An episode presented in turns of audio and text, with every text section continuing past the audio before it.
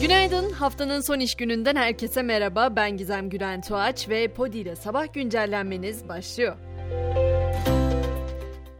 Hızlı bir giriş yaptım. Dünden bugüne gelelim istiyorum. Anlatacağım çok şey var. Öncelikle söyleyeyim. Kamuda çalışan 458.615 sözleşmeliye kadro verilmesini öngören kanun teklifi yasalaştı. Düzenleme ile 28 Kasım 2022'den önce sözleşmeli olarak göreve başlayanlar herhangi bir bekleme süresi olmadan doğrudan bulundukları kurumlarda memur kadrosuna geçecekler. Ama tabii kadroya geçişler isteğe bağlı olacak. İsteyenler kanunun yürürlüğe girmesinden sonra 30 gün içinde başvuru yapacak. Bu konuyu aylardır konuştuğumuz için öncelikle bununla başlamak istedim. Şimdi aylardır konuşacağımız diğer konuya geçiyorum. O da Cumhurbaşkanı Erdoğan'ın seçim tarihi için 14 Mayıs'ı işaret etmesinin ardından gözlerin çevrildiği seçim takvimi, Yüksek Seçim Kurulu'nun takvimi 21 Mart'ta başlatması bekleniyor.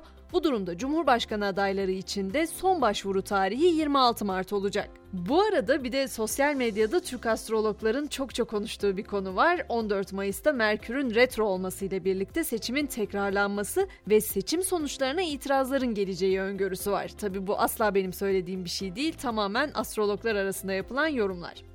Gelelim et ve süt meselesine. Ramazan öncesi kırmızı ette arz güvenliği ve fiyat istikrarı için harekete geçildi. Bu kapsamda Et ve Süt Kurumu'na et ve süt piyasalarını düzenleme ve dengeleme için yetki verildi. İhtiyaç olması durumunda üreticilerin üretim maliyetleri göz önünde bulundurularak piyasaya taze karkas et satışı yapılacak.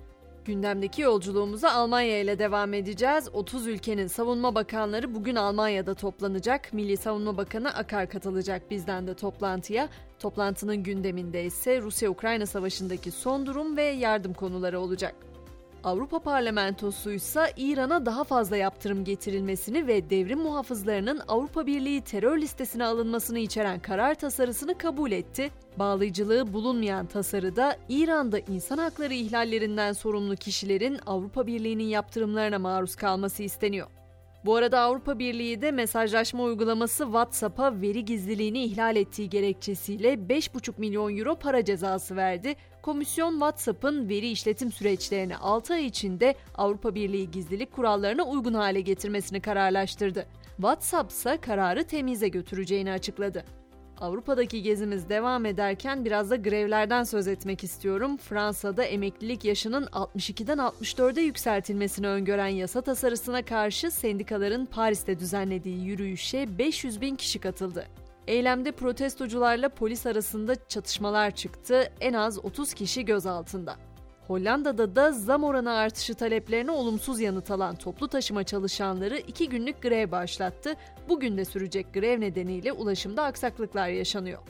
Dolandırıcılıktan başı yanan bir isim de ünlü koşucu oldu. 8 olimpiyat şampiyonluğu ve 100 metrede dünya rekorunun sahibi Usain Bolt banka hesabında henüz sebebi belli olmayan bir nedenden ötürü büyük bir kayıp yaşadı. Jamaikalı atletin 12.7 milyon dolarlık bir kaybının olduğu ve hesabında sadece 12 bin dolar kaldığı aktarıldı.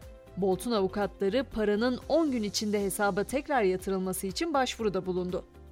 Lady Di'nin kolyesi ise artık Kardashian'ın boynunda Kanye West'le ayrılığı, Pete Davidson birlikteliği ve lüks moda markalarıyla işbirliğiyle sık sık gündeme gelen reality show yıldızı ve girişimci Kim Kardashian, İngiliz kraliyetinin unutulmaz ismi Prenses Diana'nın kolyesini satın aldı. Haç şeklindeki kolye müzayedede 197.453 dolara satıldı. Dünyanın en güvenli şehirleri de seçildi. Dünyanın en güvenli şehri Abu Dhabi oldu ama listede Türkiye'den de bir şehir bulunuyor. İlk 10 şehir arasına Türkiye'den Eskişehir girdi. Spor dünyasına geçmeden önce size bir de hibrit meyveden bahsetmek isterim. Bir Cem Yılmaz esprisinde diyordu ya hani yer çekimsiz ortamda çilek yiyeyim ama muz tadı gelsin. İşte o artık kısmen mümkün diyebilirim. İngiltere'de ünlü bir perakende mağazası yeni hibrit meyvesini piyasaya sürdü. Geleneksel çileklerle Japon çileklerinin çaprazlanmasından elde edilen çilek beyaz renkte. Adı da zaten beyaz inci çileği ananas aroması ve vanilya notalarıyla kırmızı çilek gibi tatlı olan meyvenin kilosu ise 400 liradan satılıyor. Ve Ronaldo ile Messi'nin karşı karşıya geldiği son maçta gülen taraf Paris Saint Germain oldu. Fransız ekibi Suudi Arabistan'ın Al Nasr ve Al Hilal takımlarından oluşan karmayı 5-4 mağlup etti. Gol yağmuruna sahne olan karşılaşmanın 61. dakikasında Ronaldo, 62. dakikasında ise Messi oyundan çıktı.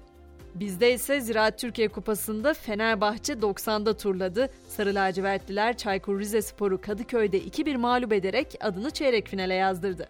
Son durağımızsa Potta, basketbolda Avrupa Ligi'nde Fenerbahçe Beko'dan üst üste 3. galibiyet geldi. Fransa'nın Monaco takımını konuk eden temsilcimiz uzatmalara giden mücadeleyi 98-94'lük skorla kazandı. Biz de bu haberle birlikte sabah güncellenmemizi burada noktaladık. Akşam saat 18'de tekrar görüşünceye kadar herkese mutlu günler.